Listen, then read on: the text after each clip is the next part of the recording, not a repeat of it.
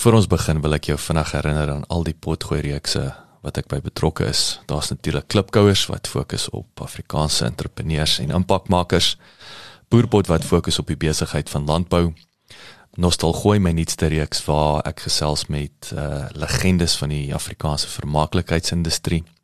Mense soos David Kramer, Anton Goosen, Sandra Prinsloo ensovoorts. En dan my twee nuwe potgooi reekse. Buscrash wat die Engelse boetie is van klipkouers en dan Pot of Gold wat gefokus is op die besigheid van mynbou. As jy in Pretoria is, kom maak gerus 'n draai hierop by ons plek uh in die R21 Corporate Park genaamd Bouma at 21 waar ons 'n kafee het, ons het co-working space, ons hierdie uh uh um, raadsaal uit en my ateljee is hier. So as jy is, kom drink gerus 'n koffie en kom sê hallo. Welkom by die Boerpot Potgooi reeks waar ons fokus op die besigheid van landbou. Moenie vergeet om na ons ander potgooi reeks genaamd Klipkouers te luister waar ons fokus op Afrikaanse SMEs en hulle suksesverhale reg oor die wêreld. 'n Mens hoef nie die beste in die weste te wees nie. Solank jy net meer agterlaat as waarmee jy begin het. So sê Tom van Rooyen wat boer op 'n 100 jaar oue familieplaas tussen Potchefstroom en Ventersdorp. Van Rooyen verbou onder andere mielies, sonneblomme en droë bone. Terwyl hy ook oor 'n taamlike veevertakking beskik. Volgens hom is beeste egter effens stadig en verkies hy die spoed van saai. Benewens boerdery stel van Rooyen ook belang in besigheid en is hy betrokke by eiendomsontwikkeling. Hy glo dat 'n mens so 'n komponent behoort in te bou in jou langtermynbeplanning om jou risiko te versprei en sodat alles nie aan droogtes gekoppel is nie. Tom, heerlik om hier op jou plaas te wees. Is natuurlik uh is nou weer een van daai aangename verrassingkies op Nampo Graan SA vang op met 'n pel. Hy stel my voor aan jou en hier sit ek. So verskrik, dankie. Ek weet jy's 'n baie besige man. Dankie dat jy tyd gemaak het dat ons 'n bietjie kan gesels. Uh, môre Jacques, dit is ook uh, nie elke dag wat 'n ou van die stad hier aangery kom en uh, ons vroeg in die môre al in die gesels is nie en nie buite is nie. Prima as as, as mense is ek as ek heeltyd uh, melktertjies as ek 'n lekker koffie kry, dink ek sal ek heeltyd uh, hierso in Potchefstroom kom uithang, net by die boere. Nee, jy is welkom, jy is welkom Jacques.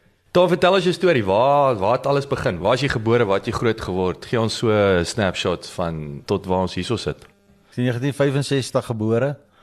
Daarom nie op die plaas soos my soos my pa. Hy hy's hy's letterlik op die plaas gebore in in in 1929. Sjoe. Uh, so ek is daarom in die dorp gebore. Daar was al karre gewees. in die beskawing.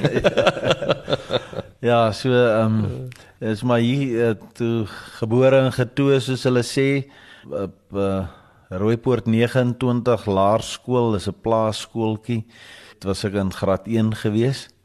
En wat ook interessant was van die skool is almal het saam gespeel van graad 1 tot standaard 5. As ons plaas plaas speel dan speel die hele skool uh, dieselfde speelietjie, maar dis nou uh, lank in die verlede in. Toe maak die skool toe op die plaas weens getalle later daai jare al en toe ons uh, na laerskool Mooirivier toe in Potchefstroom uh, met 'n bus aangery elke dag. Hoe lank het dit gevat?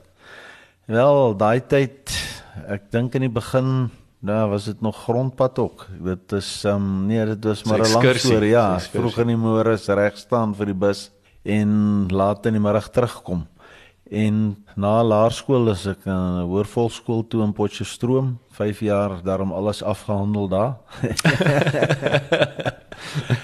en ek is nooit opgeroep op skool vir weermag nie, maar ek wou eers gaan studeer het en toe is ek gaan studeer op ehm um, tikkies. Ehm um, hoekom hoekom het jy uh tikkies? Ek wil sê is dit nie absolute verraad vir vir 'n man wat van Potchefstroom kom nie.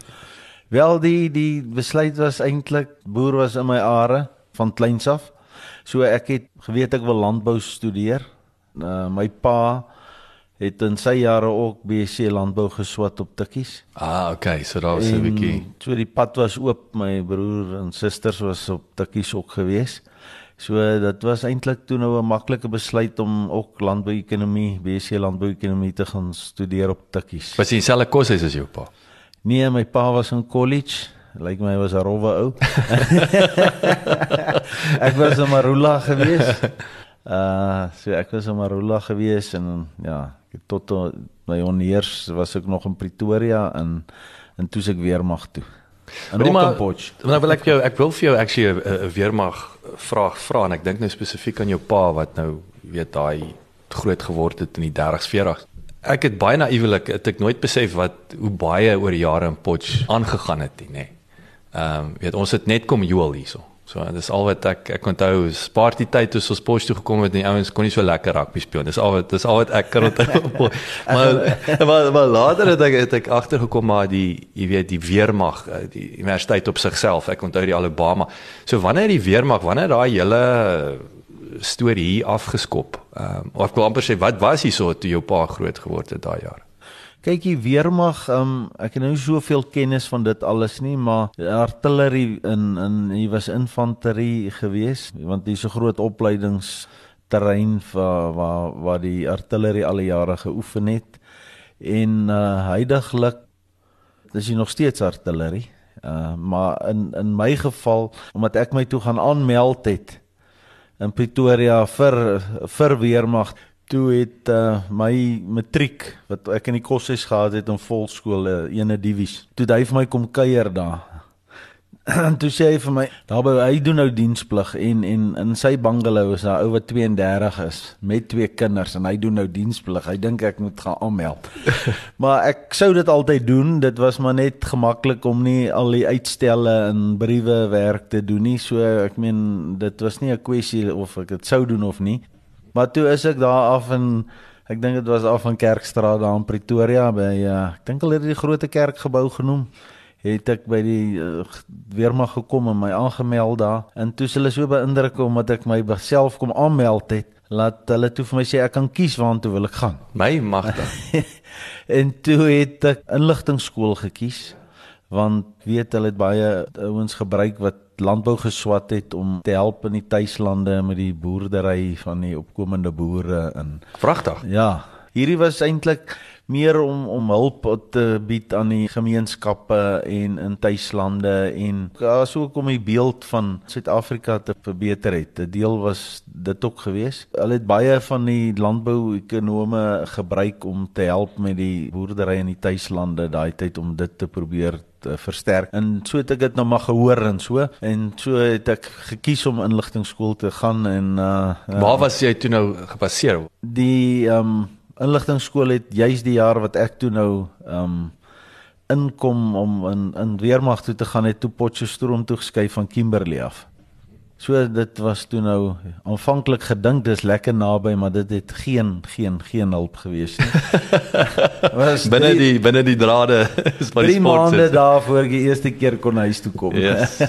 Ek wil sê jy en seker nog erger as jy nog kan proe, nee, is jou huis is net nie om die draai. Ja, ons veldopleiding was letterlik 6 7 km van die huis af en ons vasbyt het ons gestap reg voor ons voor ons plaashuis verby. Pragtig.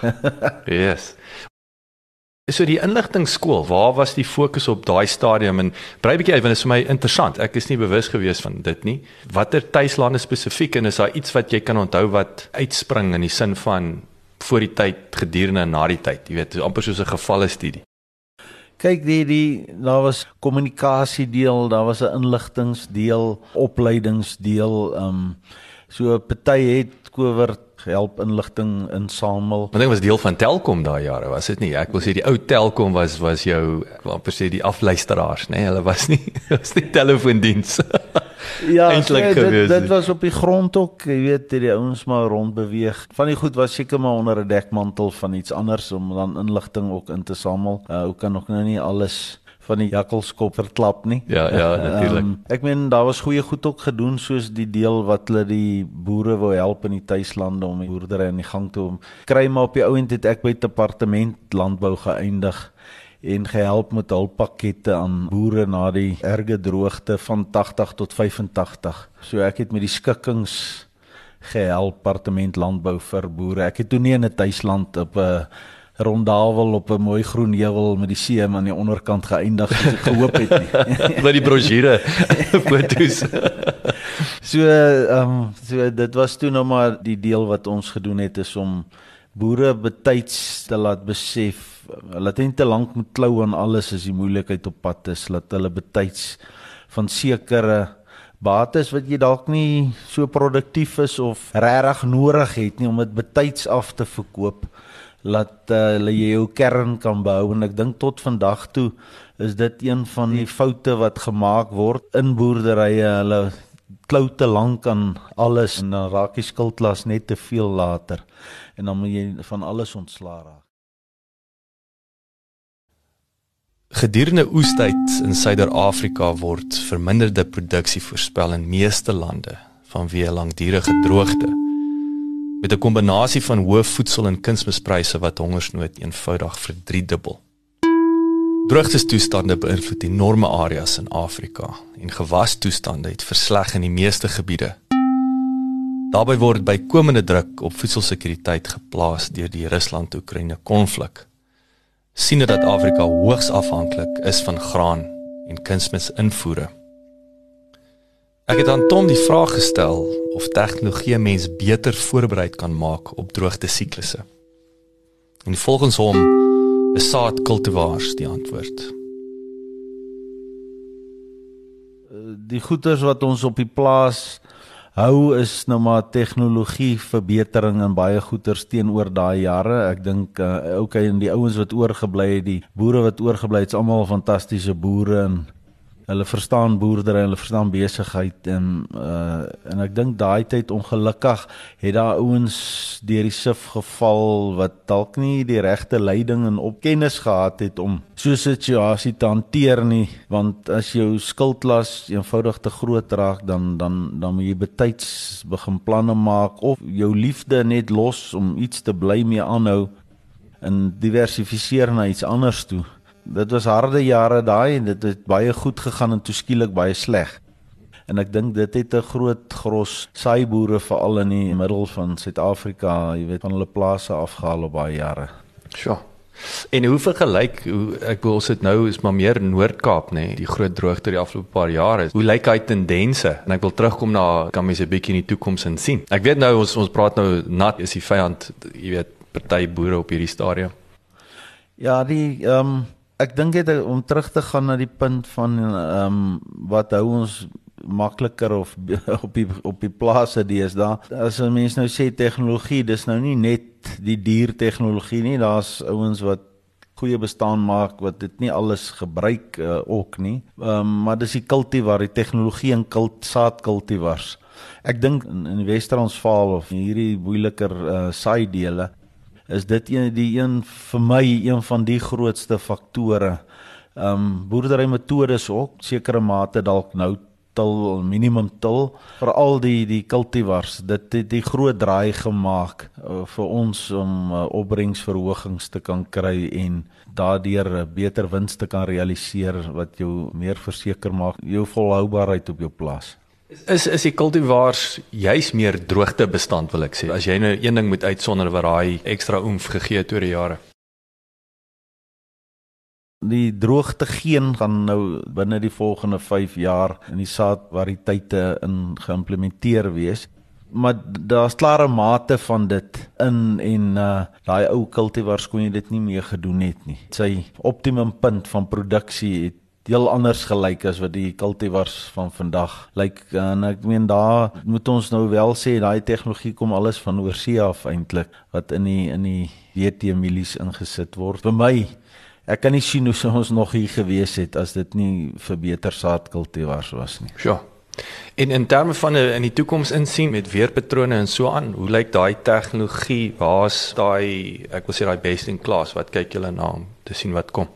Kyk, ons is baie opgewonde om te sien wat gaan hierdie uh, droogte vir ons werd wees want soos ons almal weet na 'n natter siklus kom 'n droër siklus. Dank Vader in 'n natter siklus wat ook sy probleme het en skade veroorsaak, maar dis nog beter as wat daar droogte is, is erger as as in ons wêreld en ek meen dele in die Vrystaat word baie hard geslaan nou op die oomblik. Ons kry hulle jammer en dit is baie sleg met reën moeilikheid te hê soos ons ook maar in hierdie geweste op die oomblik droë bone en so die weet die laat reën en so is nie altyd ten gunste van van sulke praktyke nie maar ou moet maar net jou langtermyn doelwitte hou en op hulle bly en ja dan sal dan sal dit goed gaan Wat is jy nou sê langtermyn? Hoe kyk julle manne? Wat's vir jou langtermyn? Wat's die visie? Kyk, as ek dit in heeltemal in die breë sien, uh, enige besigheid of enige boer moet hy moet 'n langtermyn doelwit of visie hê. Jy weet jy gaan moeilike tye kry en jy moet dit net probeer deursien. Hou jou kop op die einddoel en dit is om te boer en dis om te produseer. Nou die produksiekant het baie gespesialiseerd geraak. Ek meen dis ook nie nou meer net mieliesplant is mieliesplant nie. Dis 'n spesialiteit, spesialis aandag, kennis, verg, um, bemarking. Jy weet dit is net nie meer so eenvoudig nie. So as jy iets verbou en plant, dan moet jy jouself skool ten beste in daai goed produklyne wat jy in is. Dat jy weet jy haal elke bietjie wat jy daar uit kan haal met die regte uh, ekonomie daaraan gekoppel. Jy moet genuen fokus op wat jy doen. Die produksie het baie meer gespesialiseerd geword. Hoenders enigiets is baie meer gespesialiseerd. So in dit verg meer kennis dit is belangrik om jou op hoogte te hou van al die nuutste goed, die kennis, dit te sif, te besluit wat gaan inpas by jou op jou plaas want elke plaas is anders. Dis ook nie te sê wat by my werk gaan by iemand anders werk nie. Dit is 'n ander ding, langtermyn doelwitte. As jy 'n boerdery is, jy gaan 'n leeftyd boer van 20, 24, 25 jaar wat jy begin boer tot jy 65, 70 is, dan gaan jy dalk maar fisies sien jy gaan bietjie nie meer by alles uitkom nie. Uh, is 'n lang visie wat jy kan hê of jy kan 'n uh, makliker ontsluiting of 'n vinniger ontsluiting doelwit ook in jou boerdery inbou vir soos byvoorbeeld eiendomme, bietjie 'n ander tipe besigheid in die buitekant ook wat jy nie soveel sentiment voor het. Want ek meen om grond te koop, jy gaan dit baie moeilik weer verkoop, maar as jy eiendom op 'n goeie plek koop en verkoop, dit voel vir jou as boer, jy weet dis reg, jy kan dit maar doen. So ek dink 'n mens moet daarna ook kyk vir jou langtermyn. Daar's amper 'n groot risiko in sentiment as ek jou so luister. Ja, jy weet ek hou byvoorbeeld van om iets anders ook in in te bou. Ehm um, alhoewel jy baie graag alles in die land wil presies terugsit. Ek meen jy kan in landboumaatskappye belê, aandele koop, eiendomme koop, jy kan 'n ander besigheid buite die landbou wat nie soveel aandag van jou verg. Ja, en dit het 'n ander sterkie wat as almal nie belangstel om te gaan kom boer eendag nie of as dogters jy weet dan kan jy iets uh, vir hulle ook reg hê om te vererf want vererwing op 'n in 'n boerdery bly maar 'n 'n moeilike ding in die in die voortbestaan van 'n boerdery. Dit is glad nie eenvoudig nie en as jy die plase uitmekaar uittrek. So ek het baie keer visie ook aan die buitekant ook bietjie te belê net om jouself jou risiko te verlaag dat alles nie aan droogtes gekoppel is nie. Hier inkomste kry jy daarom al is die al is dit kerkdroog hier buite ek hou daarvan. As ek dit so kan opsom is daai weer eens daai langtermynstrategie, pas op vir die sentiment, maar baie belangrik ook daai langtermynstrategie is juis diversifiseer waar jy kan jou verskans teen die verrassings. Of nee, ek sê is nie eers verrassings nie, dis jy julle weet julle weet wat kom. Ons weet dit gaan droog. Julle weet julle weet dit. jou langtermyn, jy moet spesialiseer in die goed wat jy doen. Laat jy weet jy doen dit goed. Die herverpakking van inligting is 'n proses waardeur inligting van verskeie bronne verkry word en weer verpak word op 'n meer verbruikersvriendelike wyse wat die inligtingproduk sodanig versprei dat dit voldoen aan die vereistes van 'n spesifieke gebruiker. Die hoofdoel is om gebruikers op hoogte te hou van die nuutste inligting wat beskikbaar en relevant is vir hulle eie doeleindes. Ek wou by Tom hoor waar hy inligting met betrekking tot sy boerdery bekom en was aangenaam verras toe hy onder andere ook potgooi uitgesonder het as 'n uiters praktiese manier om inligting te absorbeer. selfs wanneer jy op pad is of in die lande bedrywig is. Die maatskappye wat betrokke is, dis waar kundiges dalk inkom. Soos al die mense verwag dit van jou verskaffer in daardie opsig. Ja. Ek sê dis nie 'n nice to have meer nie. Ja, jy jy Dis nie 'n sales pitch nie. Jy jy moet kom waarde toevoeg. jy moet kom ware toevoeg en dis in elk geval in die prys ingebou. boere leer baie by boere. Jy weet dit is ook so. Hoe wyer jou netwerk is, hoe hoe hoe meer sulke tipe inligting sê jy seker kry. Daar's tydskrifte, so Landbouweekblad, Graan SA tydskrif. Jy weet dit is jy kan goed daarin optel wat vir jou baie waardevol ook is. En 'n ou moet maar lees en luister uh YouTube al daai goed. Ek het nou nie baie tyd om dit te doen nie, maar oral kan jy deesdae inligting bekom, dalk waar jy nie eers gedink het jy gaan kan. En en met mense kommunikeer, praat. Daardeur kan 'n ou ook baie baie inligting. Jy moet nooit eng wees om te dink jy moet dit by jou buurman kry nie. Jy kan dit by 'n boer in Natal kry wat 'n plantasie mee boer. Jy moet net weet hoe om dit ander hulle daai Daai interpreteer wil ek daai sê. interpretering in jou eie boerdery uh, uh of op landbou weekliks daar kan jy ook baie goed is optel. So daar is nuwe goed wat inkom podcasts wat uh, Jacques self doen. Tuurlik. jy kan uh terwyl jy ry, kan jy luister. Dit is um iets wat ook al hoe meer tyd is vir almal 'n faktor en dit is ons probleem, is tyd en om alles te daarom bietjie te kan verwerk. Jy weet, jy kan net inneem en inneem, maar ergens moet jy dit verwerk ook. en ek dink in die toekoms sal dit sal dit verbreed. Die spesialisering van inligting, van data en hoe dit gekommunikeer word. Maar ek onthou nou die een ding wat jy vir my gesê het, jy moet alles lees. Jy's bang jy mis iets. En ek dink selfs met met Graan SA wat ek ek het vir jou gesê dis daar's nie 'n tekort aan inligting en goeie inligting nie. Dit is die verpakking van die inligting en dan daai beskikbaar maak van die inligting of die groot geleentheid is of in hierdie geval kategorisering van die inligting dat jy net op daai ding kan inzoom baie vinnig met wat relevant is tot jou boerdery. Dit is 'n feit en die tyd en hoe die wêreld verander sal seker maar laat daar klaar verandering is oor hoe die inligting oorkom en hoe jy dit moet kry is is klaar nie gebeur en ons hoop daar sal nog beter maniere kom. Tel my so jy het nou 'n uh, uh, inligtingskool daar betrokke geraak. So wat gebeur toe daarna?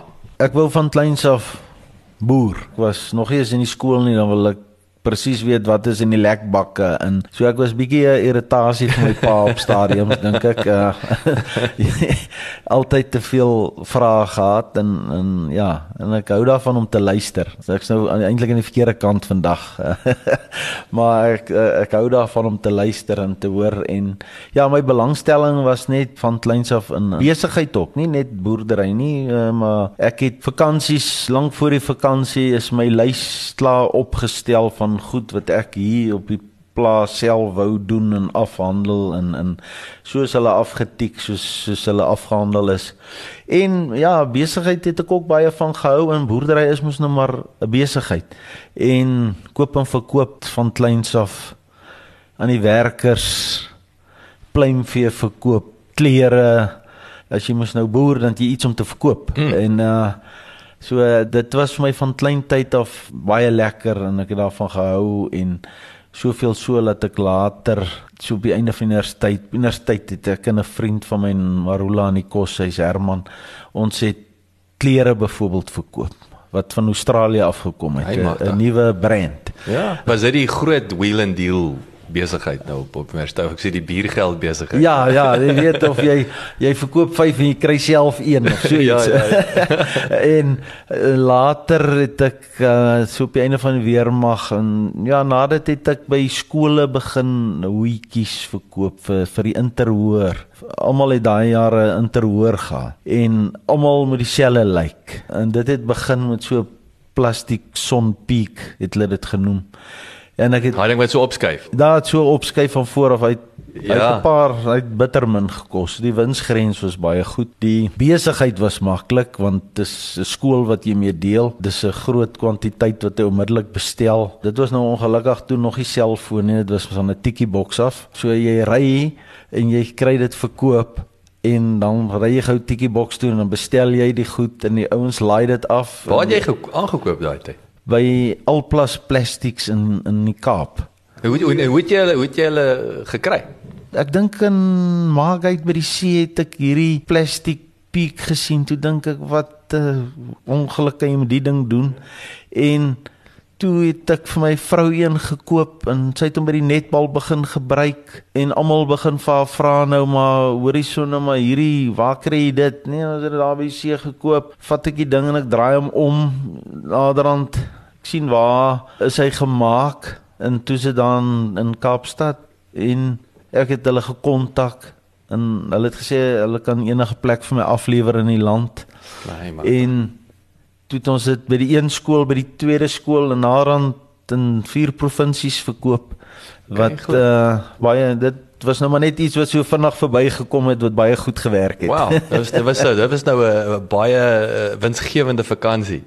ja, en dit het later uitgebrei na enige caps, hoed, Dis cheese nou cutter. merchandise, nee, merchandise, Ja, ek het al die verskaffers gekry. Almal, ek onthou ek het duisende cheese cutters verkoop, daai wat hulle so geslaan het met die hande teen mekaar. Vlaggies begin laat maak. Iemand in Johannesburg gekry wat vir my die vlaggies gemaak het. En elke kind 'n vlaggie op die paviljoen en ja, dit was eintlik uh kon nie lank daarmee aanhou nie want dit het toe 'n bietjie inbreuk gemaak, maar op daai stadium van my lewe was dit 'n uh, goeie inkomste vir die tyd wat ek daarin gesit het. Uh, Ons besigheidspark in Pretoria is Exco, X en CO en hulle is een van die groot verskaffers aan die skole onder andere. Weet, ons het ook onlangs 'n paar branded T-shirts en goed by hulle aangekoop en so aan. Het jy het die besigheid net doodgegaan? Het Jy net besluit nee, hy het te veel inbraak of was daar nie geleentheid om uh, iemand aan te stel? Wat gebeur het daai tyd is um, na 94 toe het die interhoors atletiek byeenkomste by baie plekke begin platval. En toe swart skole wat ook saam mee geding het, toe sê hulle nee, maar hulle het nie die fondse dat elke kind so iets mag hê. Jy weet wat om onderskei Wow, van 'n ander een. En eintlik dit toe nou toe mag niemand meer iets hê om hom te onderskei eintlik nie. Ah, okay, en, so dit word dit nou 'n politieke uh, probleem in steede van 'n net 'n oulike geleentheid. Ja, so nou ek meen dit het so goed gewerk. Ek meen op 'n dag het ek hoeveel skole gedoen en hoeveel bestellings gekry. So toe begin dit nou bietjie moeiliker raak in die boerdery brei uit, moeiliker om hier weg te gaan. Maar dis eintlik maar daai dit Was nie soos meer lekker op, nie. Op 'n stadium het dit baie goed gewerk en toe werk dit nie meer so so goed nie.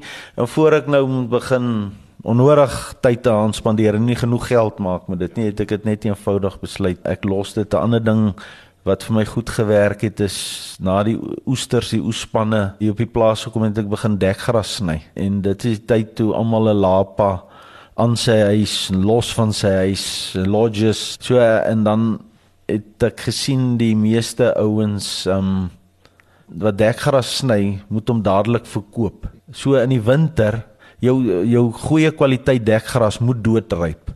Hy moet goeie ryp kry dat hy tot daar op hy onderste nodes doodryp. En en dis jou dak wat jare hou. Nou daar was ouens wat graag 'n dak wil opsit van goeie kwaliteit en anders het nie omgegee nie. So hulle vat die gras wat in die somer byvoorbeeld nie doodgeryp het. O, gat, so is 'n ticking time bomb. Ja, so daai dak het nie 'n leeftyd nie. So ek het daai goed gewag dat dit doodryp en dis gewoonlik na oestyd en dan dit gebeere en in in vir baie goeie pryse verkoop interlinks vol in Botswana toe. Nou waar het jy net bewustheid van timing? Ek wil dis natuurlik belangrik met forex ook vandag en goeters nê, by jou timing en waar het jy daaraan gekom? Hoe het jy daaraan gedink? Die oesters het vir my gevra of hy nog werk is nie op die plaas. In in uh want dan nou is dit verby, jy weet. O, en En- dit en- was klaar, maar hang aan, hier's 'n hier's 'n gaping hierso. Ja. Hoe maak ons hierdie gaping Ja, vol? toe vra kan ek wou iets erns met gras doen ook. En toe sê ek kan jy sny? Toe sê hulle ja, hulle kan sny. Uh want dit- jy moet ook weet om hom op die regte plek af te sny. Dis nie maar net afsny. Ja, so jy kan hom nie met 'n snymasjien afsny nie. Jy kan nie automate nie. Uh, ja, dis een ding wat jy nou ongelukkig nie kan. En ja, toe ek begin kyk na die somerse kant toe. Is daar net swak kwaliteit want dis dit wat hulle dan dadelik sny. Toe dan bære ek dit tot in die somer toe. En dan verkoop ek dit. En daar's baie lodges gebou in in in in Botswana met daai gras. Pragtig. Ja, en of dan kom haal dit hier en hulle vat dit soontoe. Hoe het jy geadverteer dan? Ek het maar ouens geskakel wat geadverteer het dat hulle graswerk doen en ag dit was net in die begin nodig toe te klaar genoeg groot ouens. So jy het net afsetpunt, hulle het die kliënte opgelyn, jy het net Ja, ja, hulle is hulle het die werk gedoen, die die dekwerk of selfs baie van hulle het die hele lodge gebou, maar baie het, het net dakke opgesit. So ek het net deur hulle naderhand was bemarking nie eens nodig nie. Dit was net heel in die begin. Hulle het dit selfs van die ouens het dit in die plek van dek uh, Kaapse dekriet gebruik. As jy nou regtig 'n goeie deel het, dan weet jy hierdie gras is baie dik, dan pak ek dit uh, apart en dan gebruik hulle dit in die plek van Kaapse dekriet wat dan nou weer weer baie goedkoper was. Ek dink twee keer het hulle die veld aan die brand gesteek, die wat sny en so en ja, jy weet. so is dit alweer nou raak dit net 'n frustrasie. Dit Ja. is nou nie meer lekker nie. Ja, elke ding het sy tyd in die lewe en dan dink ek moet jy besef dis nou genoeg van dit. Kom ons kon konsentreer meer op dit. Kanaliseer jou tyd meer na dit en dan gaan jy aan na die volgende ding toe. Maar kom nou weer terug na jou punt van vroeër van sentiment. Jy moet pas op. Nee, soos jy nou gesê het, jy selfs hierson is nou lekker besigheid te werk. Maar nou irriteer hy jou, hy trek jou aandag af en as jy uitvee dan lê al jou besighede skade. Dit is 'n groot ding. Dit is 'n groot ding. Voorliefde en sentiment. Uh, ek is self skuldig aan soms, maar dit is baie moeilik of omdat jou pa dit so gedoen het, jy weet, wil hy graag hê jy moet dit so doen. Maar as 'n ding werk en hy maak geld en hy het 'n toekoms, dan kan jy net altyd dit probeer beter doen en jy sal beter doen. So wat het toe nou met die wat gebeur nou toe nou met die plaas op daai saam? Wat het jy nog 'n paar van jou sidelines? Want ek wil natuurlik jy het nou ons sal by jou wat jou jou nuutste besigheid, maar wat was jy nog stories daarso? En dan wil ek nou hoor, wat het jy nou intussen op daai stadium met die boerdery kompleksiteite? Jy het nou gesê ook jou pa, al soms jy die die, die seun op hoe was daai dinamiek met jou pa en so aan? My dit my pa was 'n uh, uh, hy's 'n baie konservatiewe ou, net geglo in kontant boer, daar's nie iets anders nie. Dis dis net dit of niks. Ehm um, nou dit het my boekhouding nog altyd daarom baie vereenvoudig ook want uh, jy jy doen net dinge as jy as jy moet. Uh hy het my dalk baie konservatief gemaak, maar vir hom het dit gewerk en ek dink net elke geslag moet dit net weer vorentoe vat. En 'n ou hoef ook nie te probeer die beste in die weste te wees nie. Jy weet jy moet as jy net weet jy laat iets meer agter as wat die, geslag voor jou gedoen het, dink ek het jy al klaar goed gedoen. En daarvoor verander die wêreld. Jy moet ook verander, maar ek sê altyd uh, jy weet as jy iets doen of 'n ding hy moet eers sy geld vir jou terugmaak voor jy verander. Ou moet ook nie net heeltyd verander nie met tegnologie ook. In die begin het baie ouens te vinnig dink ek daarin geklim en dit het hulle baie onnodige geld gekos. Hulle dalk nie by die regte verskaffer gekoop nie. Jy weet die goed het nie die lang lewe gehad wat almal gedink het nie. En so moes hulle daai toerusting al twee keer of drie keer selfs uh, weet ek van ouens wat dit weer moes verander het. So uh, partykeer is dit uh, ook baie werd om net 'n bietjie terug te staan, net te kyk hoe loop die ding uit. Uh wat te werk die beste regtig in die praktyk en dan eers toe te tree as wat jy nou die eerste ou wil wees wat die beste en die mooiste het. Ek dink net daar word geld onnodig baie keer verkoos. Daar in steede van om die buurman te probeer wen. Is dit nog is die pipi kompetisie, ek wil sê alive and well in in landbou. Ek dink dit is, ek dink dit is. Ek glo dit is baie keer meer in sekere provinsies, distrikte of dele, ja. Dis 'n uh, kuns wat ou net baie vinnig moet aanleer. Um, jy moenie in daai Jy is jou eie groot Jy- grootste kompetisie. Dis nie dis jy nie wat om jou ou in die speel, jy weet, dit is enigste ou wat jy moet jaag en kan jaag. Sodra jy nie laat kompetisie is altyd goed. Ek meen neem kennis, dra kennis. Jy moet altyd wil verbeter. Ek wil tot vandag toe nog, dis hoekom 24 ure 'n dag is vir my te min want ek wil goed doen, ek wil goed leer, ek wil nog iets byleer al, al is dit uh nie altyd so maklik nie, maar dit dit is tydrowend. Jy weet jy kry mense wat hulle weet van alles en hoe hulle dit reg kry en ek ken 'n paar van hulle. uh t- maar jy moet jouself heeltyd probeer verbeter en, en ek dink dit is wat ons as landbouers baie nodig het en as besigheidsmense om op jou plaas te kan bly in hierdie moeilike omstandighede want dit is moeilik met jou eie fondse te boer is is nie maklik nie dit is moeilik en uh hoe jy waar spandeer jy en waar spandeer jy nie jy weet uh en as jy jong boer is gaan praat met 'n weet gaan praat met 'n boere wat ouer is en meer ondervinding het. Partykeer is ons te trots om vir iemand te gaan vra, hoorie maar wat dink jy van dit en hoe en en en ek meen as 'n ou met die regte intensie kom. Ek het jare terug by een of twee graanboere van die jaar kompetisie wenners gaan praat en ek meen dit was net goed geweest. Dit was dit was iets werd geweest. Jy moet nie jou slaafs dit probeer navolg nie, maar hou dit in die agterkop. Siffie goeters, dit wat op jou plaas jou vorentoe kan vat, gebruik dit, doen dit. Partykeer is dit stupid idees. Jy dan kan jy nie dink jy het nie self aan gedink nie. En dit het tog 'n verbetering in jou effektiwiteit want ons almal jaag maar effektiwiteit. So gee ons 'n snapshot nou van hoe die boerdery ontwikkel het. So wat, ek wil sê waar was daai heeltemal oorhandiging wat het met jou pa gebeur, jou ouers? So gee ons daai, vat ons daai storie nou. Ons praat nou die plaas wat het, wat hoe hy verloop. Uh, van die begin af het ek um, eerste ruk paar seker 2 jaar of so het ek basies maar vir my pa gewerk. Jy weet vir 'n salaris, ook nie 'n baie groot salaris nie. Net mos uh, nou verniet gebly en geëet. Gery. Ja, ek het andersom gewerk. Ek het in die begin in die dorp gebly, toe ek plaas toe gekom. jy weet die oorgang is altyd belangrik en, en my pa is nie ou wat baie gepraat het nie. Hy het maar net so by jou verbygeloop en sê jy moet nou maar daar begin kyk ook en hy het basies meer 'n liefde vir beeste gehad en die saaiery meer oorgelaat. Maar hy het my nog gekeer om te spandeer. Dit is verseker. na hy 60 geword het, het hy nog jy weet daar die selfie betel gehou en ag met die tyd het ons hom op uh, plase saam gekoop en tot op 'n stadium toe sê hy vir my hy stel nou nie meer belang nie en toe moes ek slash hy vertrou jou nou ja ja, jy weet, die pa sê dit mos nou nie altyd. Ja. Dis ook iets wat ons paas kan leer. Ons moet dalk meer praat en sê mooi so en dit en uh en toe het hy my maar gelos die laat ek nou maar self die plase koop. So het dit nou maar uitgebrei en uh is jou passie saai vandag nog wat waar is jou fokuspunt? Ek nie sê sentiment nie want jy soek effektiwiteit en kyk hier in die uh, ons gebied waar ek nou hier Potchefstroom is maar meer gemengde plase. So jy word eintlik maar gedwing om vir vee en en saaiery. Jy moet in in dis dis die behoud van hierdie wêreld.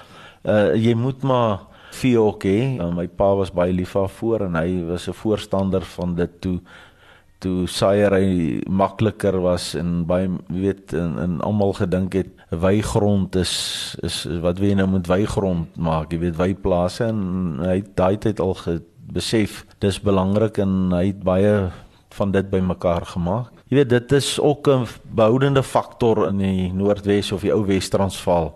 Is jy moet maar van al twee en en die plase soos ek jou sê in hierdie wêreld is maar min of meer ook so opgedeel. So uh, liefde vir al twee uh, beeste is baie keer dalk vir my bietjie stadig. Ek hou meer van die spoed van van saai En seker dan 'n kompleksiteit van saai nie. Ek wil amper sê daai variables, dis 'n interessante wetenskap nê. Dis nie net een ding nie.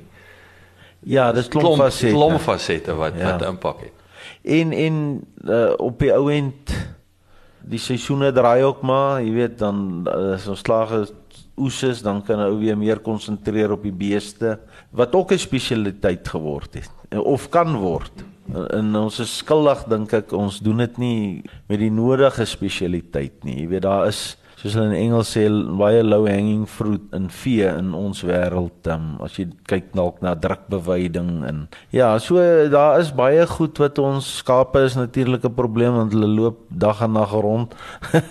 Jy weet jy om hulle nie, by, by jou te hou is is maar moeilik en die diefstal is 'n groot probleem. takeaways Ja, so die daar's definitief 'n moontlikheid vir dit vir maar maar dit het soveel ander probleme. Ek, ek het byvoorbeeld geen skape nie. Ons kan ons beesboerdery vertakkings ook nog verbeter. Ons kan ons saaiery verbeter. Um, so is interessant en is lekker. Ons kan en dis hoekom ons nog almal op die plase is dink ek want daar's nog altyd hierdie ergens 'n lyn waar jy kan stywer trek en stywer trek want as jy hierdie somme van vandag vat of die situasie en jy kyk 20 jaar terug en dan sê jy gesê nee maar jy sal in jou lewe nie meer op 'n plaas kan bestaan maar uh, as jy nou kyk wat het jy daai tyd vir kunsmis betaal diesel en wat jy vir jou graan gekry het, dit maak net nie sin nie. Maar ons is nog steeds hier en ons maak en ons gaan vorentoe en ons maak geld. Waar is daai lyn waar jy uitklim? Is daar 'n tipping point? Kom ek vra so, hoe weet julle daar's nog baie geleenthede? Ons daar moet net wees want anders gaan ons nie hier wees nie. Ons wil nie wees. uh, so as hulle nie daar is nie, gaan ons hulle self soek. Gaan as, as hulle nie van van 'n jy weet uh, Nee, van 'n van 'n kultivar afkom hier. Van ja, van versie afkom met 'n kultivar gaan ons self 'n plan maak, maar planne sal ons maak. 'n hmm. Suid-Afrikaanse boer kan 'n plan maak en uh, dit is moeilik. Dis regtig nie meer uh, net maklik nie, dis moeilik en uh, makro-omgewing is moeilik, die regeringsondersteuning, die infrastruktuur. Ek meen alles is 'n uitdaging. Ek meen gaan kry jou net al jou jou jou moedgoeters reg wat die staat by betrokke is. Jy weet dis alles is stadig is moeilik. Uh, maar daar kom landboumaatskappye ook in. Ek dink hulle in sekere gevalle 'n groter bydrae vir die boere. Jy weet meer moet uh, beskikbaar wees vir vir want die wêreld verander so. Tyd is 'n probleem. Laat daar dienste gaan beskikbaar kom wat dalk nie vandag daar is nie. Uh, om dit vir ons uh, meer volhoubaar te maak warm topik op hierdie stadium is maar die paaie. Pad hiernatoe was was mooi, mooi teerpaaie, maar ek neem aan julle julle dit reg gemaak. ja, die ons probeer maar die die potholes wat op die teerpad in my in die dorp probeer ons maar self regmaak. Langs die kant van die paaie sny. Die grondpaaie is 'n is maar 'n uitdaging in ons oestyd lê voor so jou skade en jou onderhoud word maar net al hoe meer hoe slegter die pad raak hoe het julle het, het julle Dis daai goed wat ek van praat ja, wat dit moeiliker maak yes. en jou kostes opjaag waar jy waar jy nie vroeër soveel kostes gehad het nie. Ek meen daar's kontrakteurs wat nie eens meer eintlik baie op die plaas baie wil ry nie want hulle sê hulle trokke kry net te veel skade. En ek meen niemand hoor of luister en kom doen iets aan nie. So die boere begin nou maar self inspring en dis maar dieselfde hier by ons. Ek wou amper sê dit asof die die boerderye of die landboumaatskappy gaan 'n munisipale funksie begin heeltemal oorneem. Ja, en die hartseer van dit is ons betaal in die munisipale funksie. Ja. ja, ons wat ons vroeër jare nie gedoen het eers nie. En nou betaal ons en en ons kry niks in ruil vir dit nie. Ek meen die skrapers kom net nie meer om nie. Ek myself als uh, plantaier gehuur het om paaie in in kasduikers en pype onder deur die paaie om die bekke oop te maak voor die reenseisoen. En dankvader ons het dit gedoen en daar reën het toe meer as wat ons gedink het sou ooit reën. Ja. ja. so dis alles kostes en goed wat bykom wat nie in die verlede daar was nie. Ja, wat noem ons waardig kan raak, jy weet, en vure lê voor op die oomblik. Dit is onverantwoordelik veld aansteek en daai goed is groot risiko's. Ja, dis nie meer leerlig of gesê 'n bottelstukkie wat weer kaats van die son af nie, nê. Nee, dit 'n bietjie mensgemaak meer as uh, in die verlede. Ja, ja. Landbouorganisasies ook, jy weet, dit het ons sal moet daar by betrokke bly en bydraes lewer. Ek dink as landbouers wat dink uh jy hoef nie, nie deel daarvan te wees nie en en alles sal nog gedoen word. Dit gaan platval as dan nie as dan nie ledegelde betaal word en fondse is om die goed in, in stand te hou nie. Want jy het nie die tyd om ergens in vergadering te gaan staan en in en net die boer se standpunt of die landbouer se standpunt te, te stel. Dis nou perfekte aansluitingspunt weer met diversifikasie. Ek 'n bietjie hoor van jou ander besighede buitekant landbou vandag. Hoe lyk dit? Maar voor ons daar kom, wat is jou grootste besigheidsfout? Wat moet mens nie doen nie? ja, ek sê altyd my grootste teleurstelling is as ek as ek die asblik misgooi.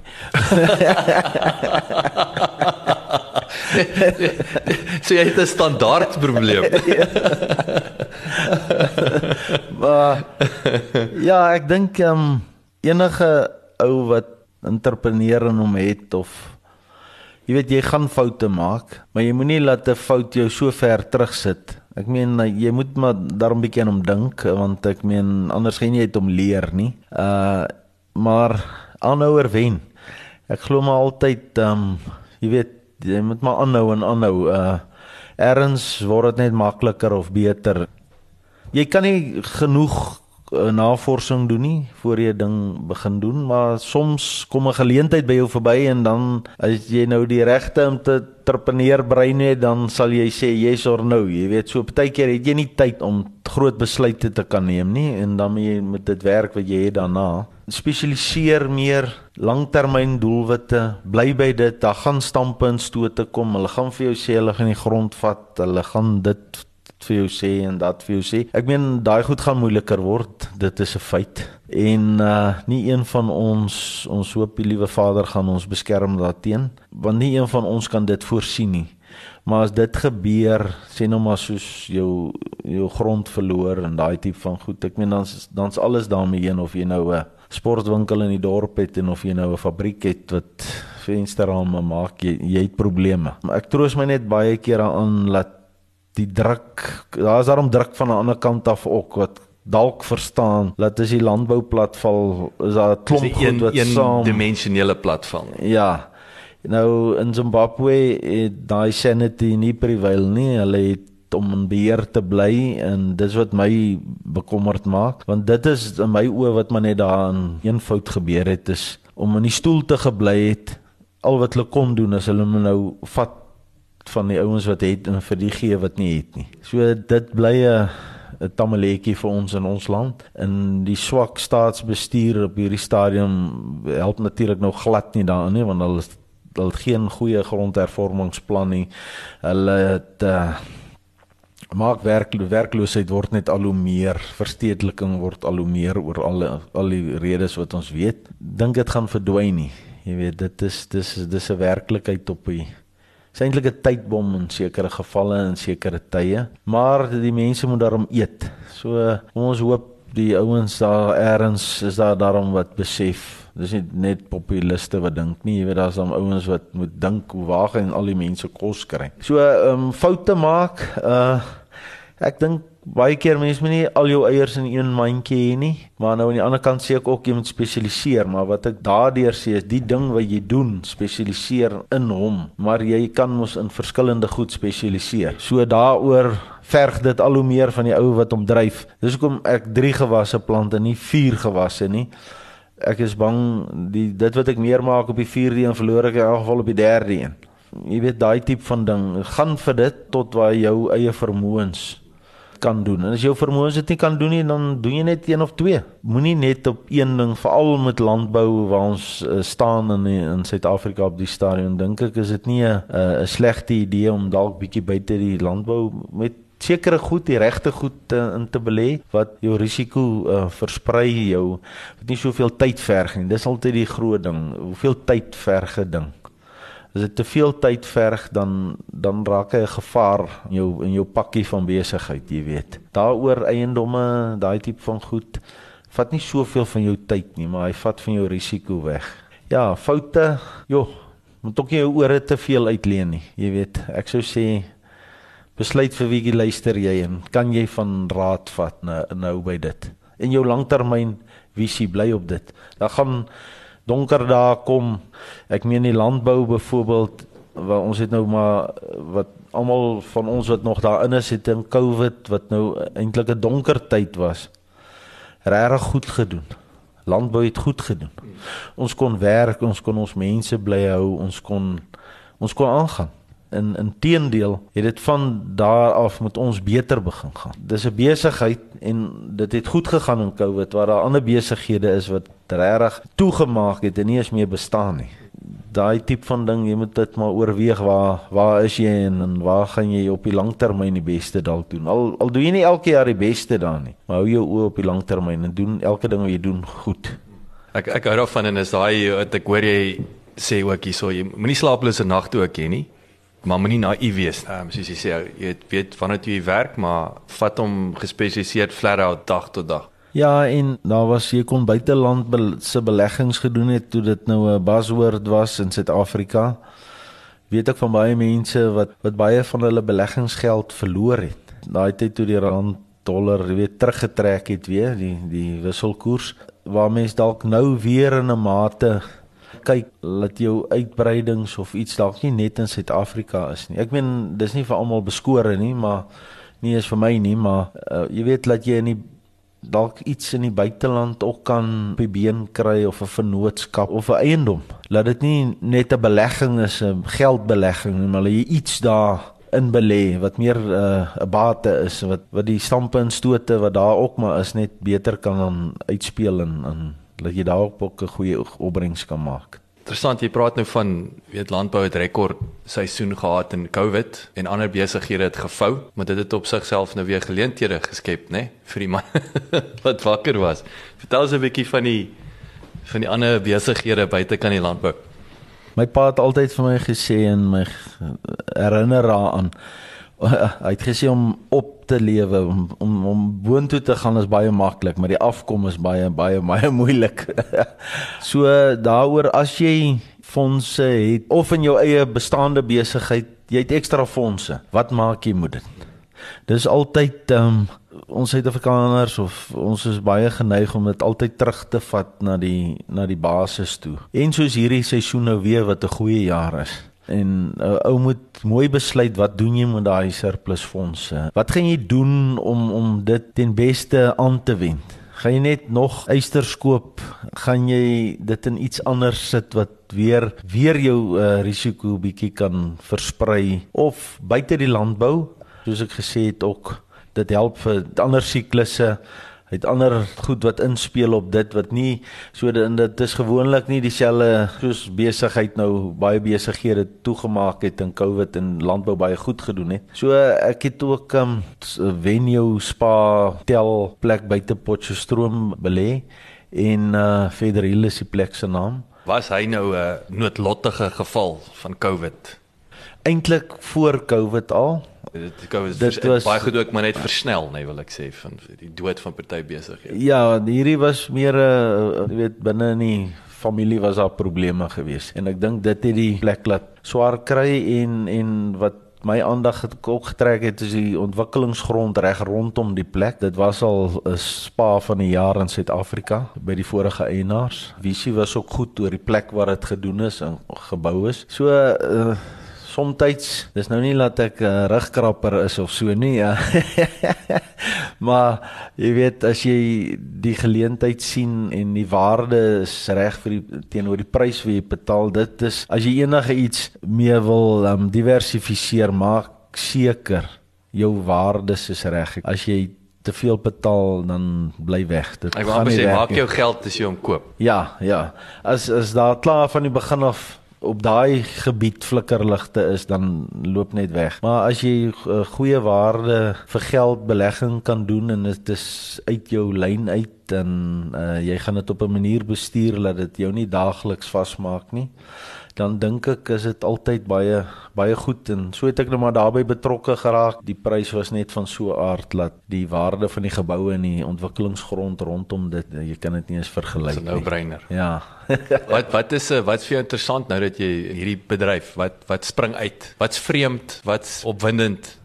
COVID het dit ook uh, seer gemaak, maar baie geboue en gebreek 2 en 'n half jaar daar. So daar's baie geld ingesit in dit ook. Nou 'n bietjie op te polish. Ja, maar op die op die ou end lê die waarde maar in die ontwikkelingsgrond wat daar is en dit laat my weer teruggaan na jou langtermyndoelwitte toe. Uh iets wat nie van boerdery afhanklik is nie. Ek meen nou jy kan uh, dienste insit op 'n tyd wat die fondse genoeg is van jou boerdery en kan jy daar goeie uitbreiding maak vir jou kinders, vir jou nageslag, die wat dalk nie in boerdery belangstel nie kan daaraan gaan of dit kan oorgaan na hulle toe.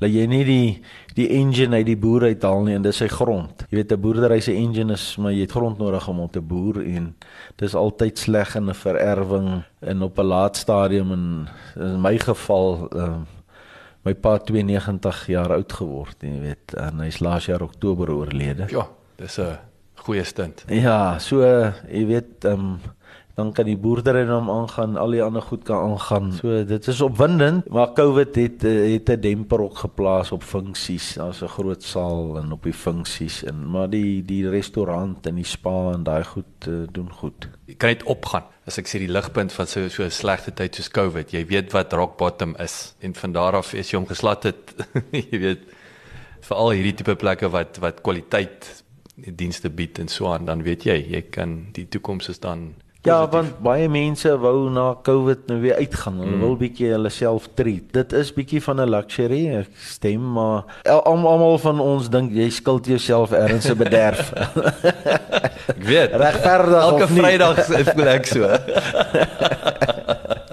nou kom ons hou dit nie te reën nie, dan moet net genoeg ouens wees wat so voel. Ja. Tom, uh, ek eh, ek het nou lekker met jou gesels. Verskriklik dankie vir jou tyd. Sterkte met die res van die jaar. Ek uh, ek hoop alles loop glad en uh, goeie oeste en uh, en ek hoop vir al die nuwe besigheid daarso met die lengte wat al dis nou die lekker ding. Ons is nou in die winter maar die lengte is om die draai, nê. Nee. So ja. ek hoop uh, hy uh, tel vinnig spoed op. Nee, baie dankie. Ja, ons is geseën die liewe Vader het vir ons nou twee baie goeie reenseisoene gegee en eintlik 'n derde een, jy weet die een voor dit was ook baie redelik goed geweest. Ehm um, dit weet landbouers help en het ons weer op koers gesit. Dit was regtig nodig na die al die droë seisoene. Die hand eh, die helpende hand uit die lug uit is is net altyd betyds, jy weet en en ons sal in moed positief bly. Ek dink uh politiek gewys moet ons maar net moed hou en hoop vir die beste. Ongelukkig is daar 'n deeltjie van wat ons moet sê, ons hoop vir die beste. maar as ons alles reg doen, dan is ons kans op sukses soveel groter. Ons doen wat ons kan. Ja. Dankie weer eens. Baie dankie, Jacques. Dankie vir die geleentheid. Baie dankie dat jy geluister het. As jy gehou het van die episode, onthou asseblief om te deel met jou vriende en familie en baie belangrik teken sommer in dat jy op hoogte kan bly van al die nuwe episode. Besoek gerus ons Facebookblad @boerpot.